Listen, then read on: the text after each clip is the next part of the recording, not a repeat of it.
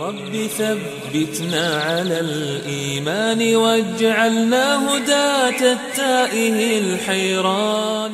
أعوذ بالله من الشيطان الرجيم. بسم الله الرحمن الرحيم. إن الحمد لله تعالى نحمده ونستعينه ونستغفره ونعوذ بالله من شرور أنفسنا ومن سيئات أعمالنا. من يهده الله فلا مضل له ومن يضلل فلا هادي له. وأشهد أن لا إله إلا الله وحده لا شريك له وأشهد أن محمدا عبده ورسوله أرسله الله تبارك وتعالى بالهدى ودين الحق ليظهره على دين كله وكفى بالله شهيدا ثم أما بعد Svaka zahvala pripada Allahu subhanahu wa ta'ala. Njega slavimo i njega veličamo. Od njega pomoć i oprost za naše grijehe tražimo. Neka je salavat i salam na njegovog posljednjeg poslanika, odabranika i miljenika, našeg predvodnika Muhameda sallallahu alihi wa sallam, njegovu časnu porodcu, sve njegove plemenite ashabe, kao i one koji slijede njihov put do sudnjega dana. A zatim,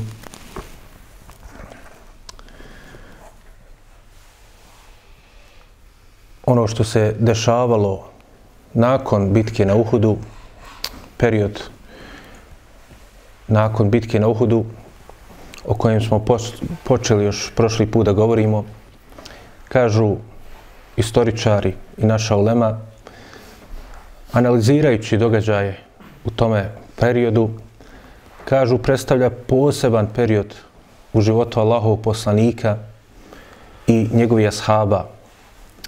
Zato što ovaj period nakon bitke na Uhudu, koji obuhvata jel, zadnje mjesece, zadnja dva mjeseca, treće godine po hijđri, čitavu četu godinu po hijđri i nekoliko mjeseci pete godine po hijđri, se odlikuje time što u tom periodu neprijatelji Allahov poslanika, mušici, svih vrsta i svih, i svih plemena, kao i munafici, kao i jevreji, koristit će u tom periodu metode i sredstva koja do tada nisu koristili.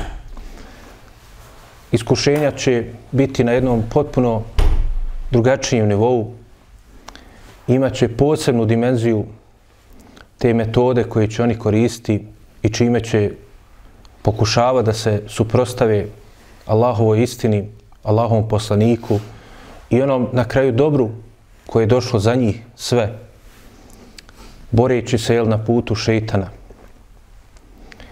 Vidjeli smo prošli put neki od tih događaja kako su plemena iz raznih mjesta, a treba imati u vidu kada kažemo ta plemena, da su oni u osnovi predstavljali kao svako to mjesto gdje je bilo određeno pleme, ono je imalo svoje vodstvo, imalo je svoje predvodnike, imalo je teritoriju na kojoj je živilo, imalo je neke razlike su postojale među tim plemenima, ali zbog prirode samog arapskog polotoka, pošto je ono, jel, arapski polotok je ogroman, ali je većinski pustinski predio, dakle svako to mjesto je bilo jedno od drugog udaljeno.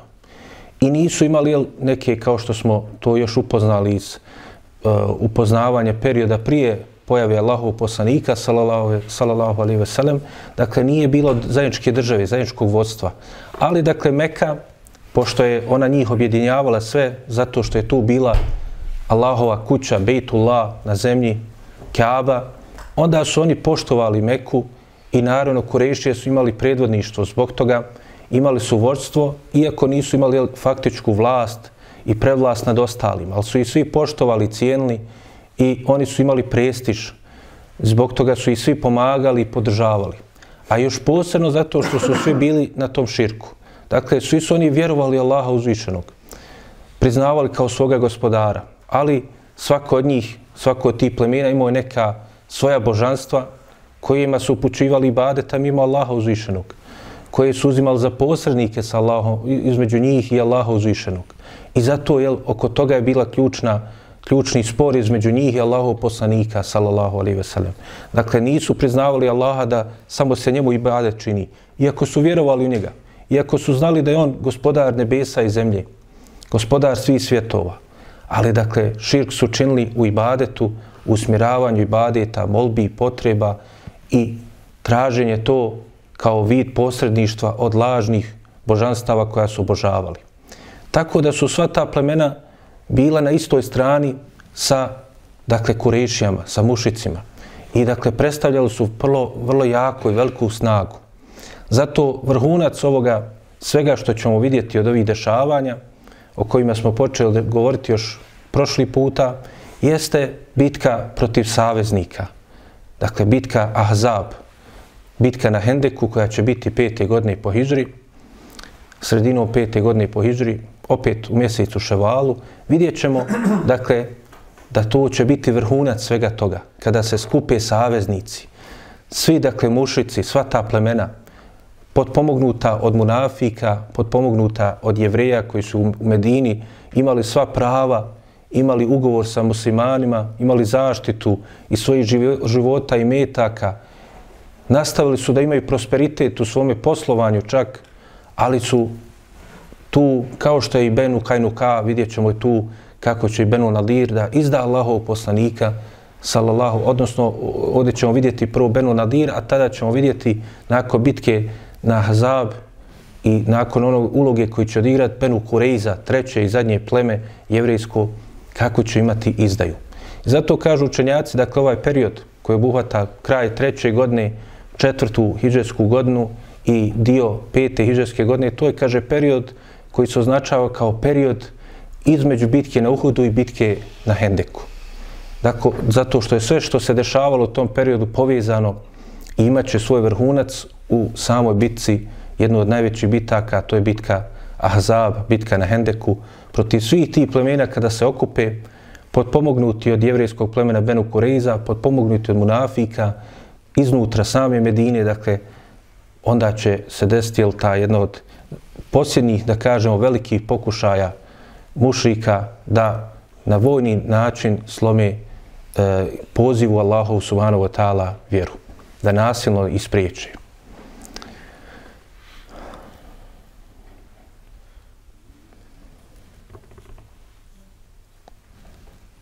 Događaj o kojem ćemo sada govoriti se desio četvrte godine po Hidžri u mjesecu Seferu. Kaže se naziv ovog događaja, kako smo vidjeli, naslovljeno je tako ovo naše druženje. A jel, Allahovom voljom smo upravo u mjesecu Seferu i pred sam kraj mjeseca Sefera, danas je 21. dan mjeseca Sefera, 1442. godine po Hidžri, Dakle, izvidnica Errađije se zove, dakle, taj događaj. Zato što ono što se desilo odigralo se kod jednog izvora, jedne vode, koja je pripadala plemenu Huzeil, a zvala se Ređije. To je mjesto koje se nalazi u blizini mjesta Usvan, koji danas dan postoji na putu između Mekke i Medine, neki 75 km sjeverno od Mekke. Dakle, nalazi se e, to mjesto u Svan, a u blizini njega je bio taj izvor nekada gdje će se odigrati ovaj događaj. Kaže se, kako to bilježi Imam Buhari o svome sahihu, u poglavlju ovo izvidnici, izvidnici koja će doći poslije ovoga izvidnica prema Bunaru Meune, u knjizi o bitkama, spominje da je došla delegacija dva plemena Allahom poslaniku sallallahu alaihi wasallam. To su bila, kaže, plemena Adal ili Adl, kako je nekim izvorima se, dakle, spominje da se izgovara naziv tog plemena. Dakle, poznatije da je kao pleme Adal i drugo Kara, koja su živjela, dakle, u blizini e, Mekije. Došli su i rekli Allahovom poslaniku sallallahu alaihi wasallam, e, kako je došlo u drugim izvorima mimo Buharije, jer u Buhari se spominje da, su, da je poslanik sa Selem njima poslao Eh, jednu izvidnicu kao špijune, kao što smo rekli prošli put, nadgledao je poslanik sallallahu alejhi ve sellem kretanja i dešavanja u tim plemenima jer je vidio i znao da će oni da pokušaju nakon onog što se desilo od rana koje su zadate muslimanima na Uhudu, da prošire te rane, da iskoriste, da zadaju dakle, smrtonosni udarac muslimanima.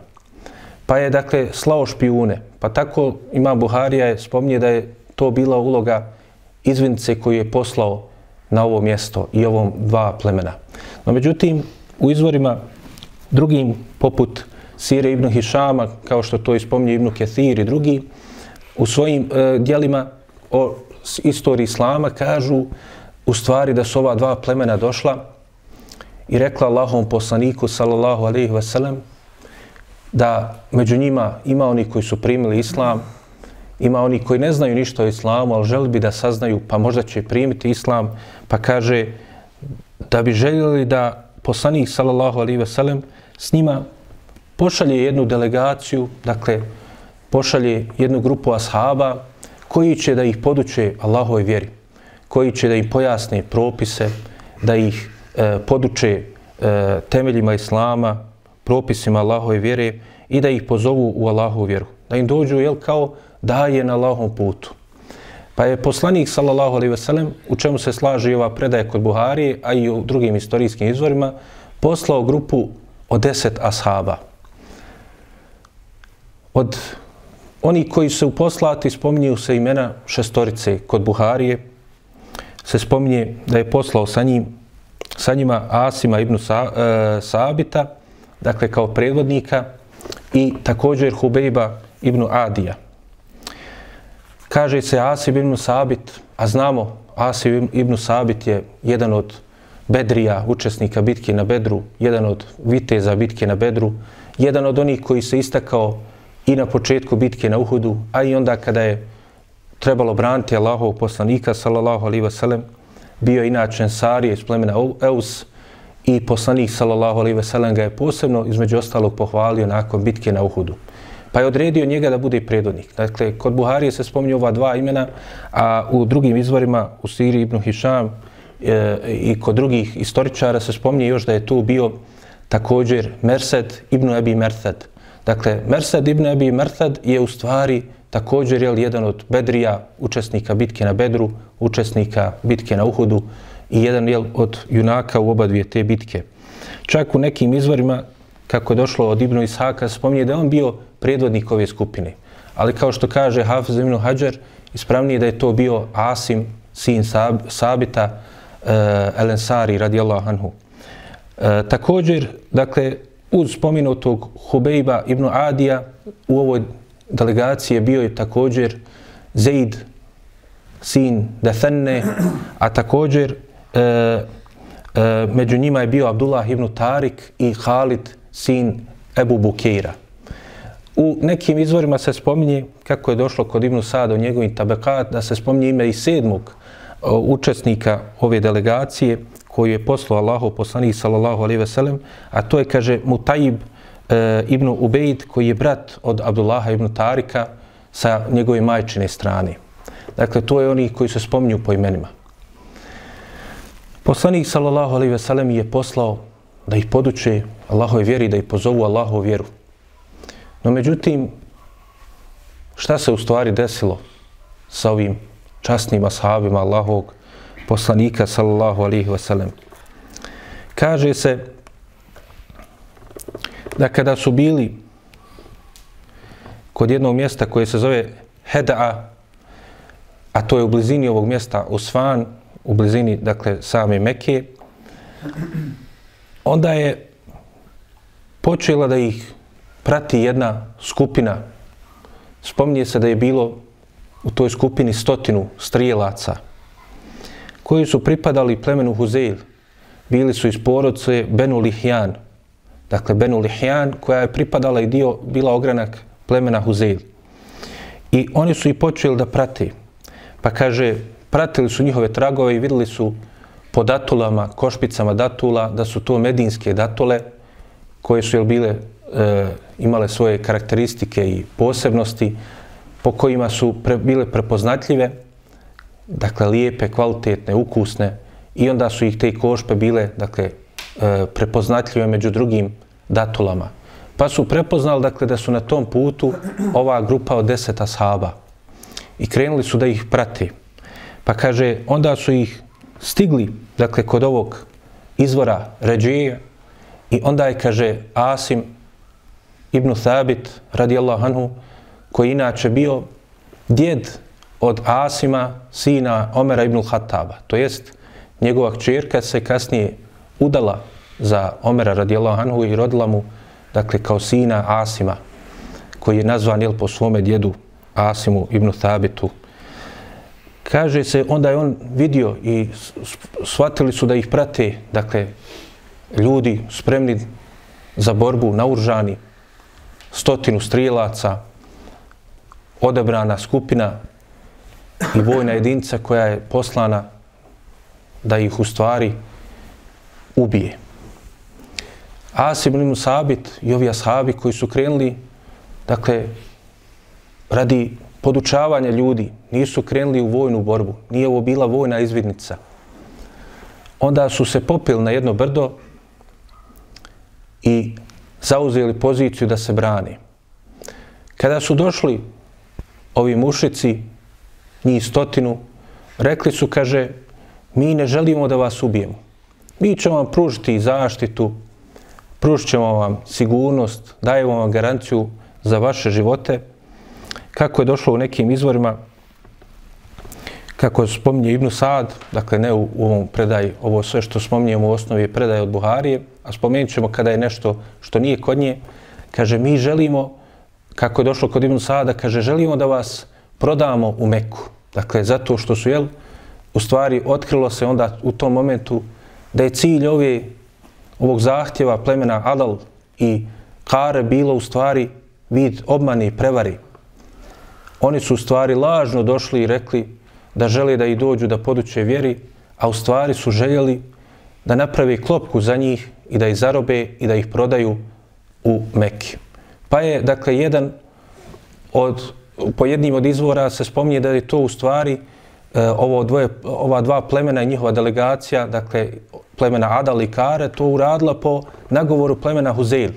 Zato, kao što smo videli prošli put, njihov, jedan od predvodnika koji je pripremao da napadne Medinu, je u stvari ubijen od Abdullah ibn Uneisa radijallahu anhu i onda su oni želi da se osvijete za Halida koji je ubijen Halida, sina Sufjanovog El-Huzelija i onda su zbog toga želili dakle, da ufati jednu grupu ashaba. Na ovaj jel, podli način varajući Allahov poslanika i njegove ashabe. Pa kada su to rekli, onda je Asim rekao mi se nećemo uzdati u vaše riječi, nećemo prihvati tu vašu sigurnost koju nam nudite. Tako mi Allaha kaže, ja vam se danas neću spustiti da budem u zaštiti nevjernika. I odlučio je da ostane na brdu, kao i ostali sa njim. Onda je proučio, kao kako je došlo u ovoj predaj kod Buharije, proučio je riječi i dovu, kaže Allahume, Allahu moj, obavijesti onama svoga poslanika. Pa kaže, borili se s njima hrabro i čvrsto. Čak u jednom momentu se spominje da je Sabit, odnosno eh, Asim, sin Sabita, učio i stihove postičući ashabe i svoje drugove. Pa na kraju kaže, pošto su bili puno nadmoćnije, dakle te snage koje su došle, njih stotinu naspram njih deset, onda su ubili njih sedmoricu. Sa svojim strijelama su i na kraju izgađali i uspjeli da savladaju, a ova ostala trojica koja su ostala živa, onda su prihvatili tu zaštu. A to je bio spominuti Hubeib, sin Adija, Zaid, sin Dathinne, i Abdullah sin Tarika.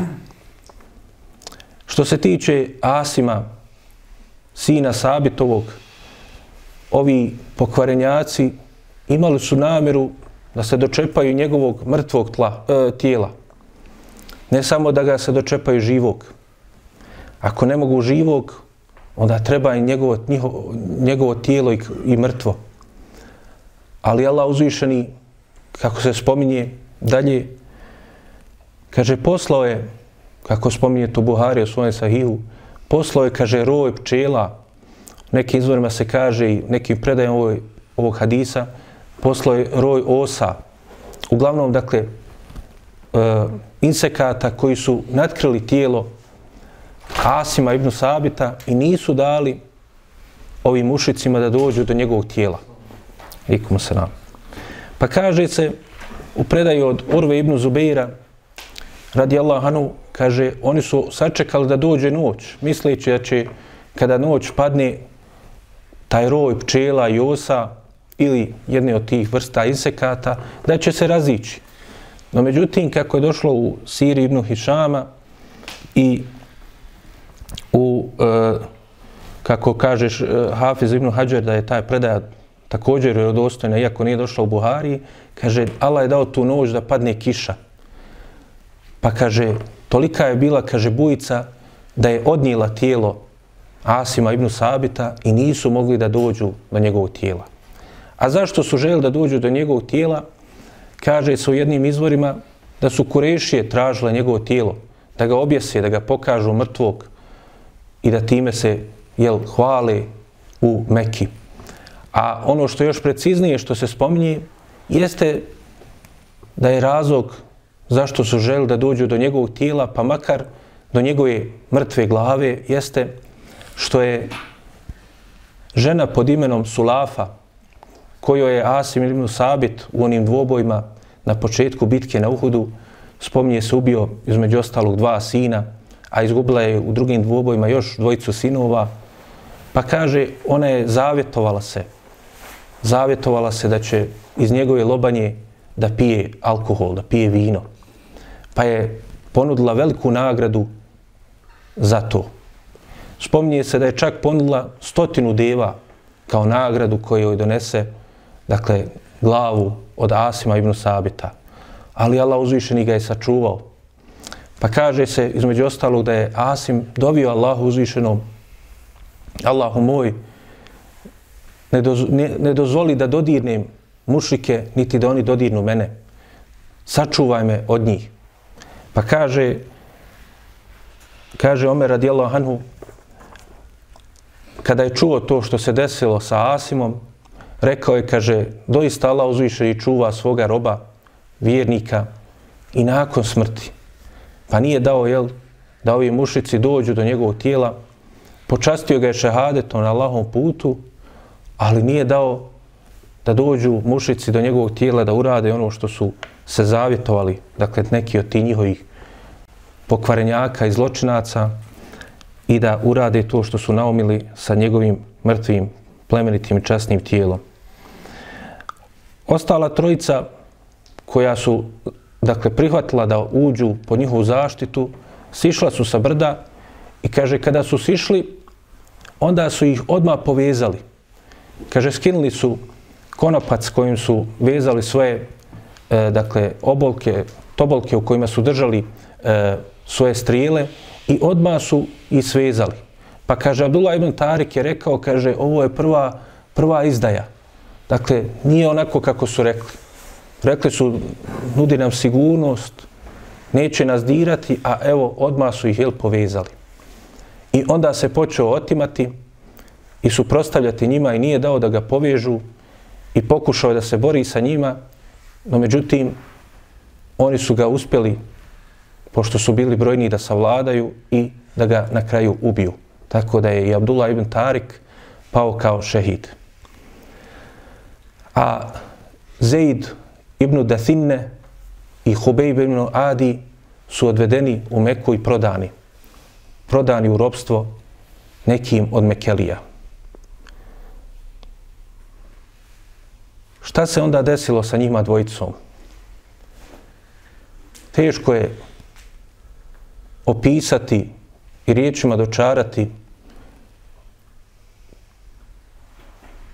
šta se desilo sa ovom dvojicom ashaba, Allahov poslanika, sallallahu alaihi wa sallam.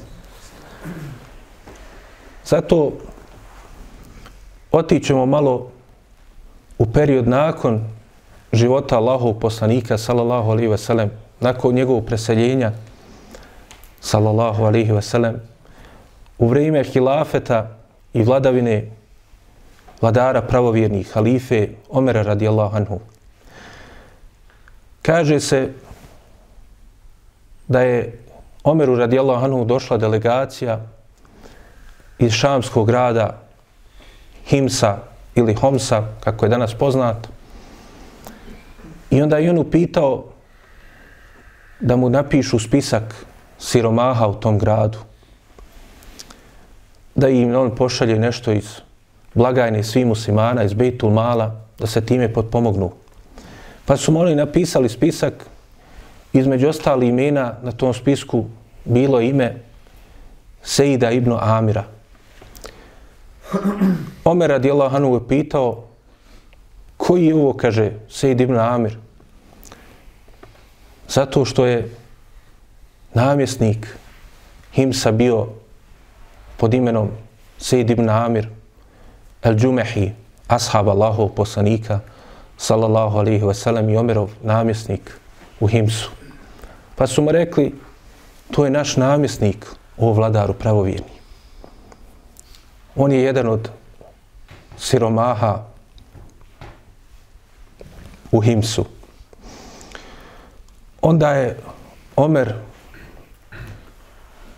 tako jako zaplakao da je svoju bradu natopio svojim suzama i onda dao da se izdvoji hiljadu dinara za Sejda ibn Amira i njegovu porodcu i da se pošalje po ovim ljudima iz mjesta Hims.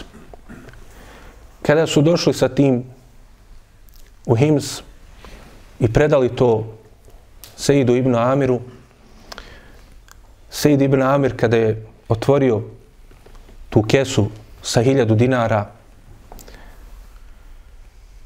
prestrašio se, prepao se, odbacio od sebe tu kesu i rekao inna lillahi wa inna ilaihi rađujun. Svi smo Allahu i njemu se vraćamo.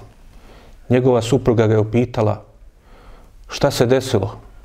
Da nije, ne do Allah, vladar pravovjednik, pa preselio. Kaže, nije. Pa kaže, da nisu muslimani doživjeli neki poraz u nekoj borbi. Kaže, nije, nego još nešto gore od toga je došlo. Pa kaže, šta može biti gori od toga? Kaže, došao mi je Dunjaluk da uništi moj ahiret. Ušla je u našu kuću kušnja. Pa kaže, riješ se toga. I onda je upito ja, hoćeš mi ti u tome pomoći? Rekla je, naravno. Pa kaže, uzo je ti hiljadu dinara, podijelio u manje kesce, i sve ih, pod, sve ih podijelio onima koji su bili potrebni u Himsu. Ništa sebi nije zadržao. Ali Hims u sve to bio je poznat kao mala kufa. Zato što su, kao što su i stanovnici kufe i stanovnici ovog časnog, velikog, cijenjenog grada koji predstavlja primjer islamske i civilizacije i tradicije. Allaha molimo da pomogne i muslimane i Himsa i Damaska i drugih mjesta Šama sve do Palestine i muslimane na svakom drugom mjestu. Dakle, bili su poznati kao mala kufa zato što su za najmanju sitnicu se žalili i protestovali protiv svojih namjesnika i oni koji su određeni da obavljaju neke poslove i predvode ih u njihovom gradu. Pa su napisali pismo, odnosno Omer radijalo Anu, kada je došao u Šam da posjeti Šam, oni su mu poslali poruku i rekli da imaju neke pritužbe na Sejida ibn Amira. Pa je Omer radijallahu anhu došao lično da uvidi i uvjeri se o čemu se radi. Pa kada je došao, oni su rekli mu imamo četiri prigovora za njega imamo četiri primjedbe. Pa kaže se, Omer radijallahu anhu je pozvao i te stanovnike Himsa i Sejda ibn Amira i sastavio ih i onda tražio da mu izloži, da vidi o čemu se radi, da upita Sejda da li je istina to što govori. Pa su rekli, prva pritužba koju imamo jeste što kaže on nama tek kad dan odmakne izlazi. Ujutru ga nema, Tek kada je kasnije jel, dan odmakne, onda se izlazi iz kuće, a do tada ga ne viđamo. pitao je Omer radijallahu anhu Sejda, o čemu je riječ? Pa kaže, rekao mu je Sejd, kaže, doista, ja nijam sluge u kući. Pa kaže, ja ujutru lično zamijesim tijesto, sačekam da nadođe i onda ispečem svojim ukućanima, svoje poroci, hljeb, pa zato ne mogu da izlađujem odmah ujutru. Omer je rekao u redu, nema tu ništa, jel? Sporno, čak šta više. A onda ga upitao, a šta je druga, drugi prigovor koji imate? Pa su rekli, kaže, kada nastupi noć, on se nikome ne javlja. Kogod dođe i traži nešto, kuca mu na vrata, on nikome ne otvara, ne javlja se, ne odgovara. Pa je upitao Omer, radijallahu anhu, Sejda, radijallahu anhu, šta, o čemu je tu riječ?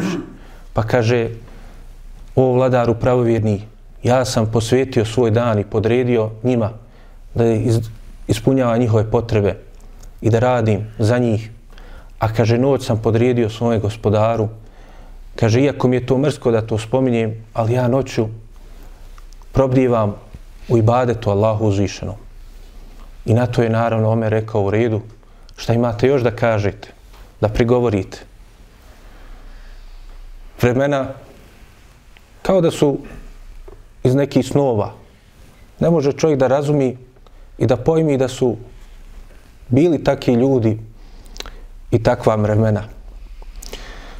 Pa kaže, šta još prigovarate? Kažu, svaki mjesec, jedan dan, on nama nikako ne izađe. I nikako se ne pojavljuje. Omer radijalanu reče, a šta je to, ovo se ide? Pa kaže, vladaru pravovjeni, i to mi je mrsko da spominjem, ali ja ne imam osim ovo odjeću koja je na meni, ovog odijela koje je na meni. Pa kaže, svaki mjesec, jedan dan, moram da ga operem. Pa dok čekam da se osuši, onda ne mogu da izađem do pred samu večer toga dana. Na to je Omer rekao u redu, što imate još da prigovorite. Onda su rekli, kaže, s vremena na vrijeme njega ufati tako stanje da kao da nije s nama, uopšte nas ne registruje, skroz se promijeni i preblijedi. U nekim od predaja ovo je, ovog doga, događaja kod Ibn Hišama i drugi, Ibn Kethira također, kaže se neka čak padne u nesvijest. Pa je pitao Omer, radi Allah anhu, šta je to o Sejde? Kaže Sejid ibn Amir al-đumehi, ja sam bio prisutan u Meki, u ten, na ten imu, kada su izveli Hubejba ibn Adija da ga ubiju. I vidio sam sve što je prošao I sjetim se često tog događaja. A tada je bio mušik kada se to dešavalo, pa je poslije primio islam. Bojim se da ću biti pitan pred Allahom što sam bio tu prisutan, iako ništa nisam uradio, ali nisam ništa ni uradio da to spriječim. Pa sam plašim kako ću pred Allaha uzvišenog doći radi toga. Kada je to čuo Omer, rekao je hvala Allahu koji nije dao da se promijeni moje mišljenje o Sejdu Ibnu Amiru el Džumehiju. I kada je krenuo, opet je dao hiljadu dinara Sejdu za njega i njegovu porodcu. No međutim, Seid Ibn Amir, kada je donio to kući i kada je to videla njegova supruga, rekla je i obradovala se, eto, hvala Allahu, Allah nam je dao izlaz, pa moramo se pomoći tim novcem da više ne moraš ti da nas služiš i da imaš te nedače koje imaš. A on je njoj rekao, a šta misliš da uradimo nešto bolje od toga? Ona je rekla, a šta je to bolje od toga? kaže, bolje od toga je da to dadnemo Allahu u lijepi zajam,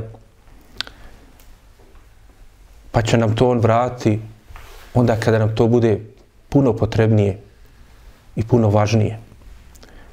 Pa se ona složila, pa su opet sav taj novac podijelili na Allahovom putu. Zašto smo ovo sve ispomenuli? Zato da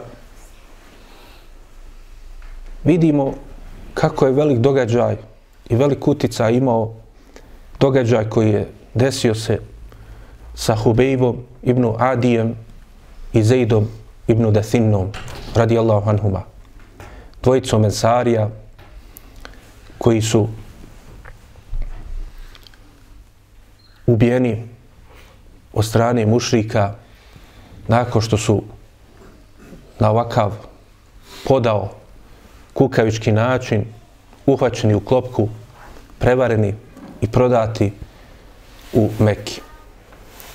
Pa kaže se, a oba dvojica su bili od Ensarija, učesnika be, u bitki i na Bedru i na Uhudu, jedan iz plemena Aus, drugi iz plemena Hazreć.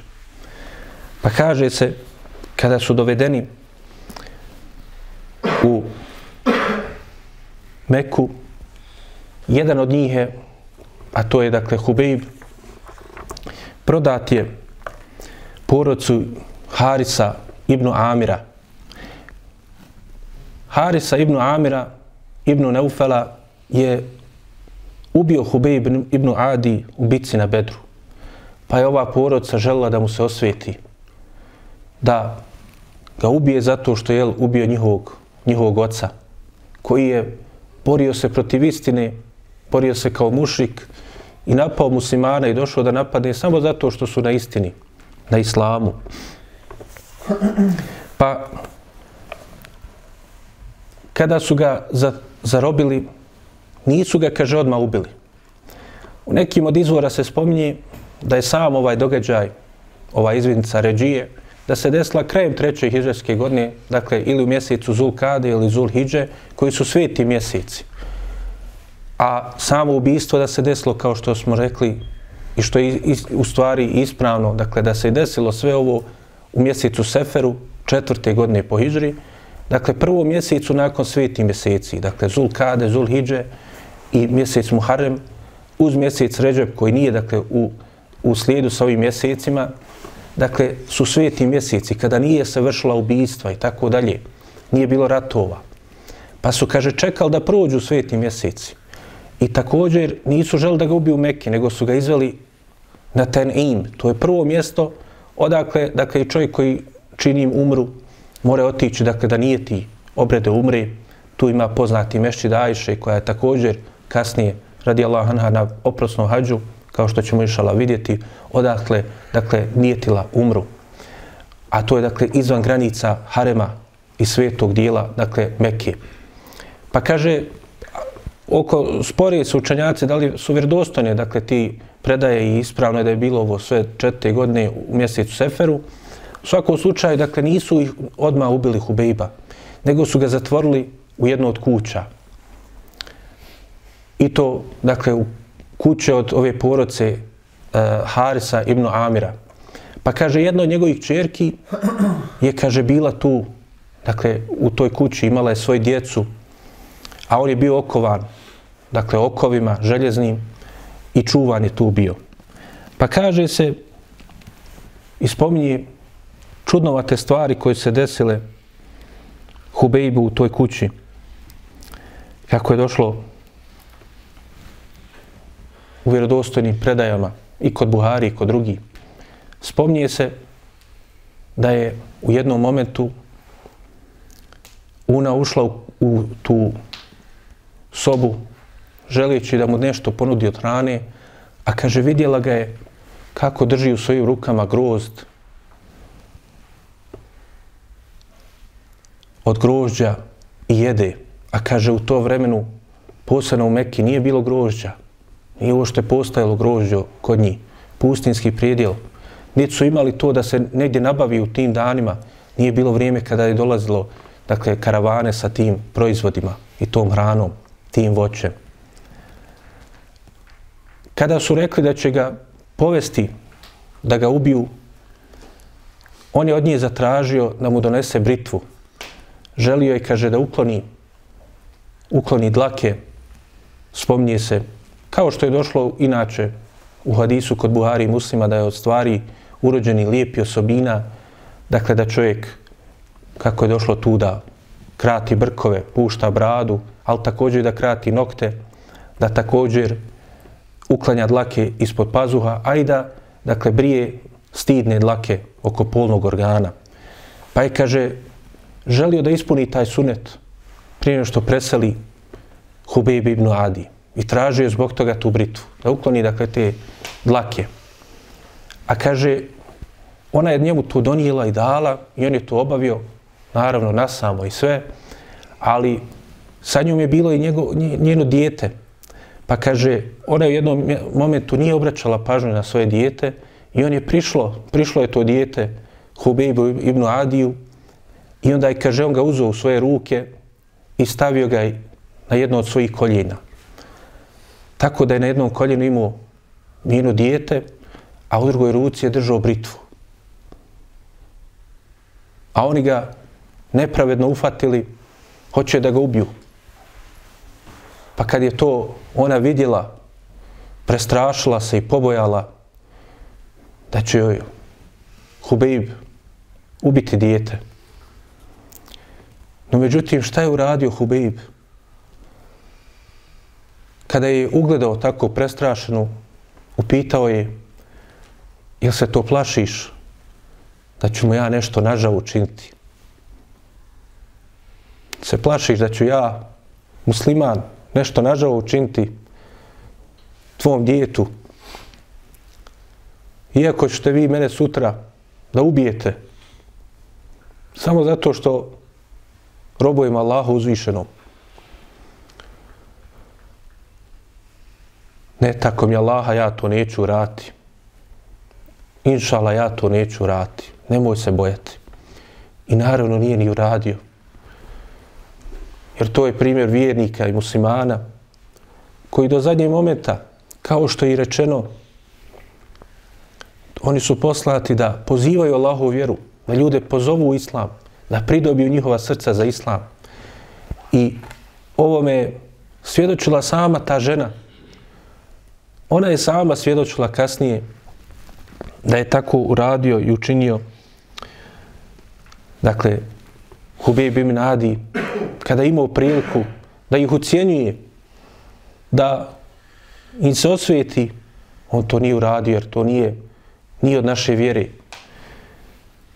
Allahova vjera ne poziva u takve stvari. Pa kaže se dalje, onda su, kaže, takoga okovanog izveli izvan harema, doveli ga na ten im, dakle, poštovali su svetost i sveti mjeseci, poštovali su svetost Meke, ali nisu poštovali svetost jednog života. Izveli su ga i onda su ga dakle kako je sam Sejid ibn Amir spomenuti, spominje sav svijet je, kaže, izašao i on je izašao, kaže, žene i djeca i mladići i starci, svi se gurali da vide da vide kako će biti ubijen Hubejb ibn Adi. Dovikivali su i govorili ubijte ga, ubijte ga. Želi su da ga linčuju, da mu se osvete. samo zato što je musliman.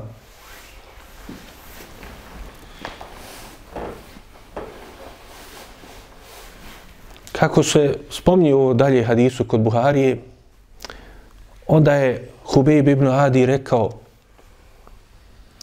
pustite me samo da klanjam dva rekata.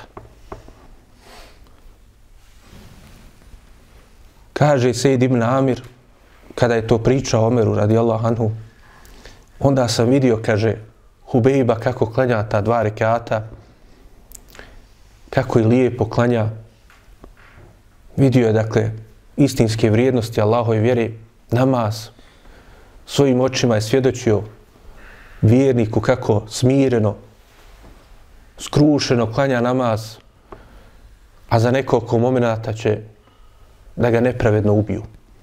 A on smiren, skrušen, spokojan. Ostavilo je to traga na srce Sejida ibn Amira. Kada je završio ta dva, dva rekiata i otklanjao, onda je Hubeib rekao, tako mi je Allaha, da se ne bojim da ćete pomisliti da sam zbog straha od smrti odužio namaz, ja bi ga odužio još više. Klanjao je dakle dva kratka rekiata, nije želio da duži, da ne kažu, evo ga prepuse od smrti pa se preko namaza izvlači. Kada je završio sa dva, dva rekiata, onda su ga, kaže, a kako, kako kaže ima Buharija, to isto treba napomenuti, ta dva rekata, to je, kaže, prvi put da je neko uveo tu praksu, taj sunet, dakle, da klanja dva rekata prije nego što bude ubijen. Jer je to poslanik, sallallahu alaihi ve sallam, kada je obaviješten o tome, potvrdio i odobrio taj njegov postupak. Tako da je to postala praksa i sunet. Onda su ga, kaže, razapili. Okovali su ga i počeli su da ga dio po dio komadaju prije nego što su ga ubili.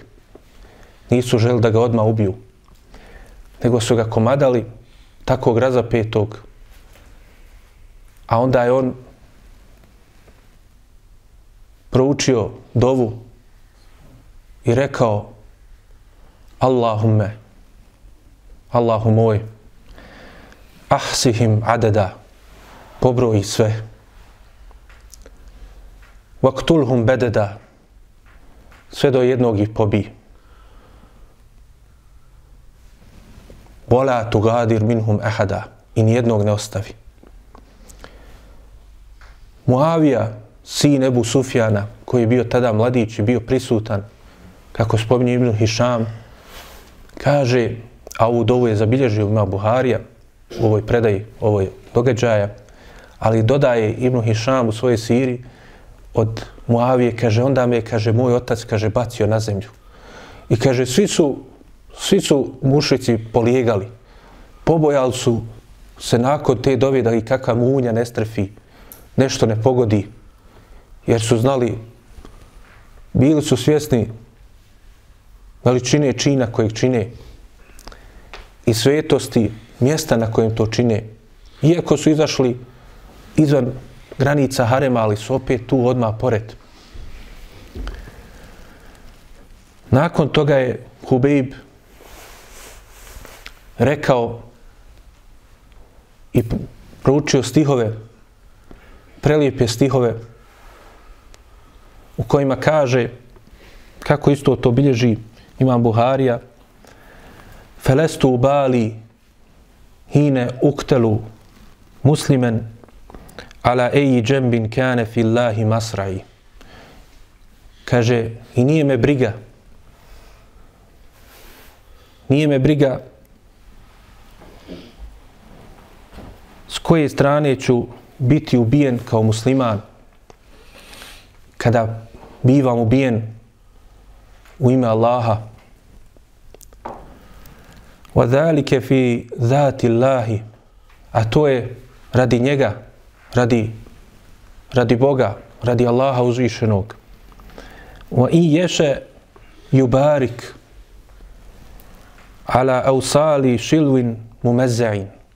Kaže, a on ako bude htio, on će blagosloviti ove pokidane i otkinute dijelove tijela. Nakon toga je ispustio svoju plemenitu dušu Hubejb ibn Adi. Nekim izvorima se spominje također da je rekao Allahu moj Allahu moj prenesi selam Allahovom poslaniku.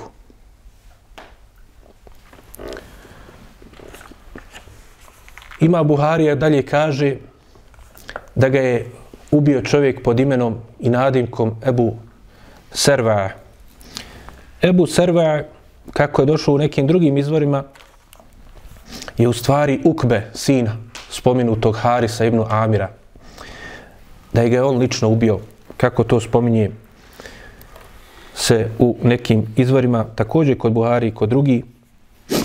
No međutim, kako kaže Hafiz ibn Hajar u tumačenju ovoga hadisa u svome komentaru na Buhariju, nakon što je spomenuo da je Ebu Serva u stvari Ukve ibn Harith, onda je spomenuo i kako je zabilježeno od Ibn Ishaka u njegovoj siri, da je kasnije Ukbe ibn Harith govorio, kaže, nisam ja bio taj koji je ubio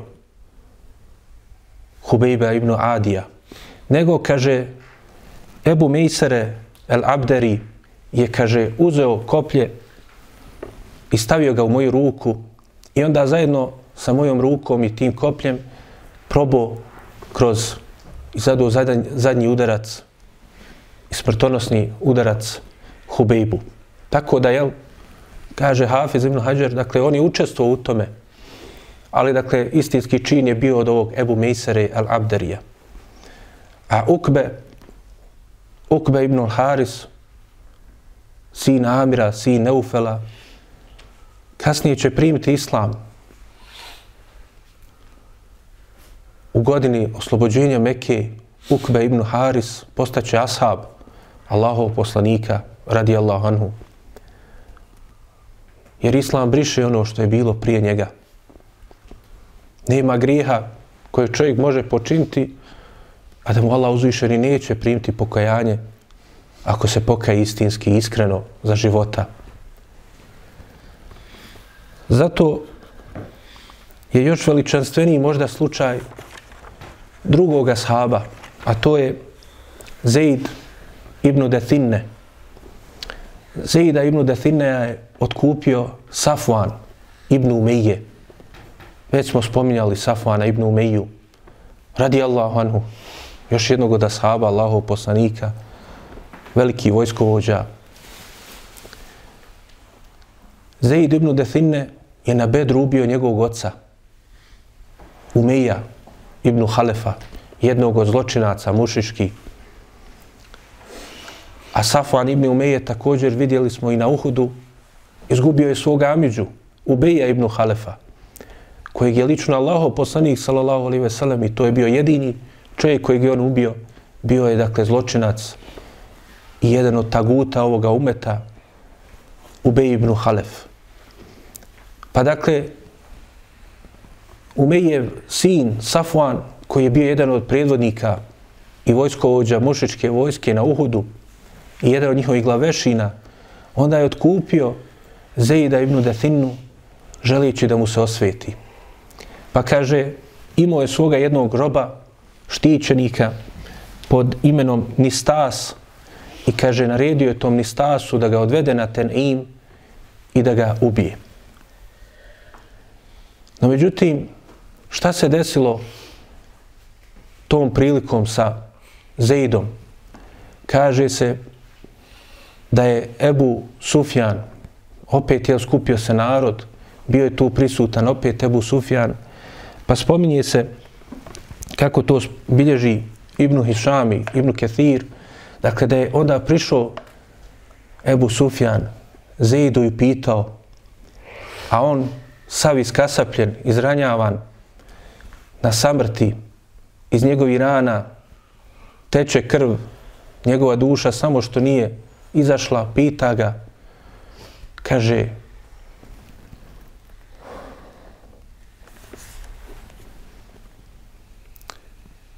tako ti Allaha ovo zejde.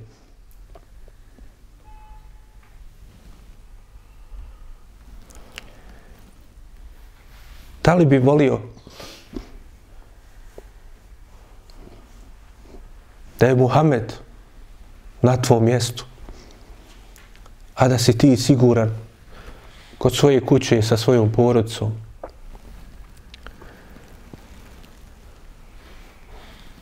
Šta je rekao Zaid radi Allahanu? anhu?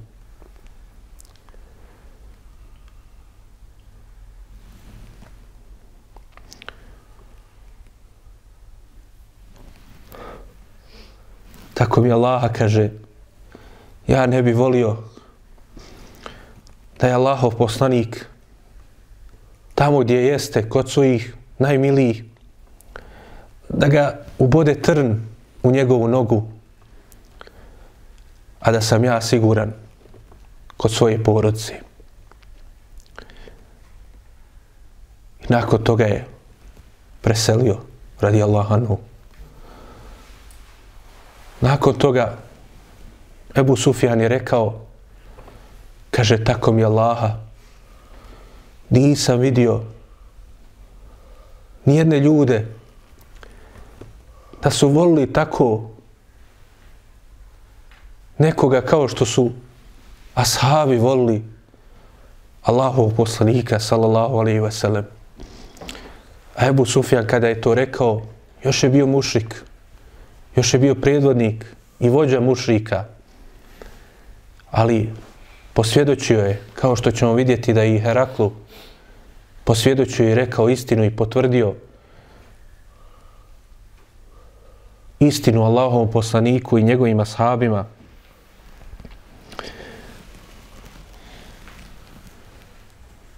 Jer to je ljubav koja nema nikakvi interesa iza sebe.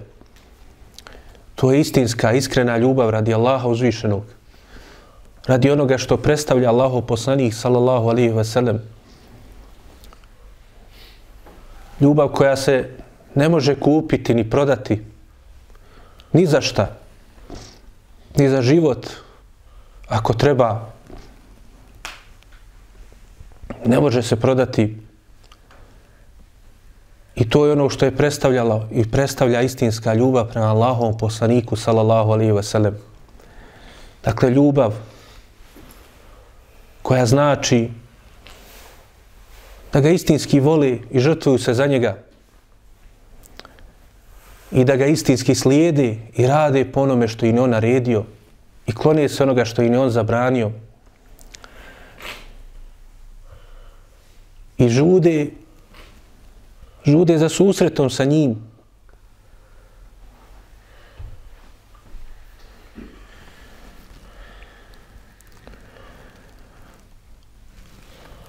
Molim Allaha uzvišenog da nas učini od oni koji vole Allahov poslanika sallallahu alaihi wa sallam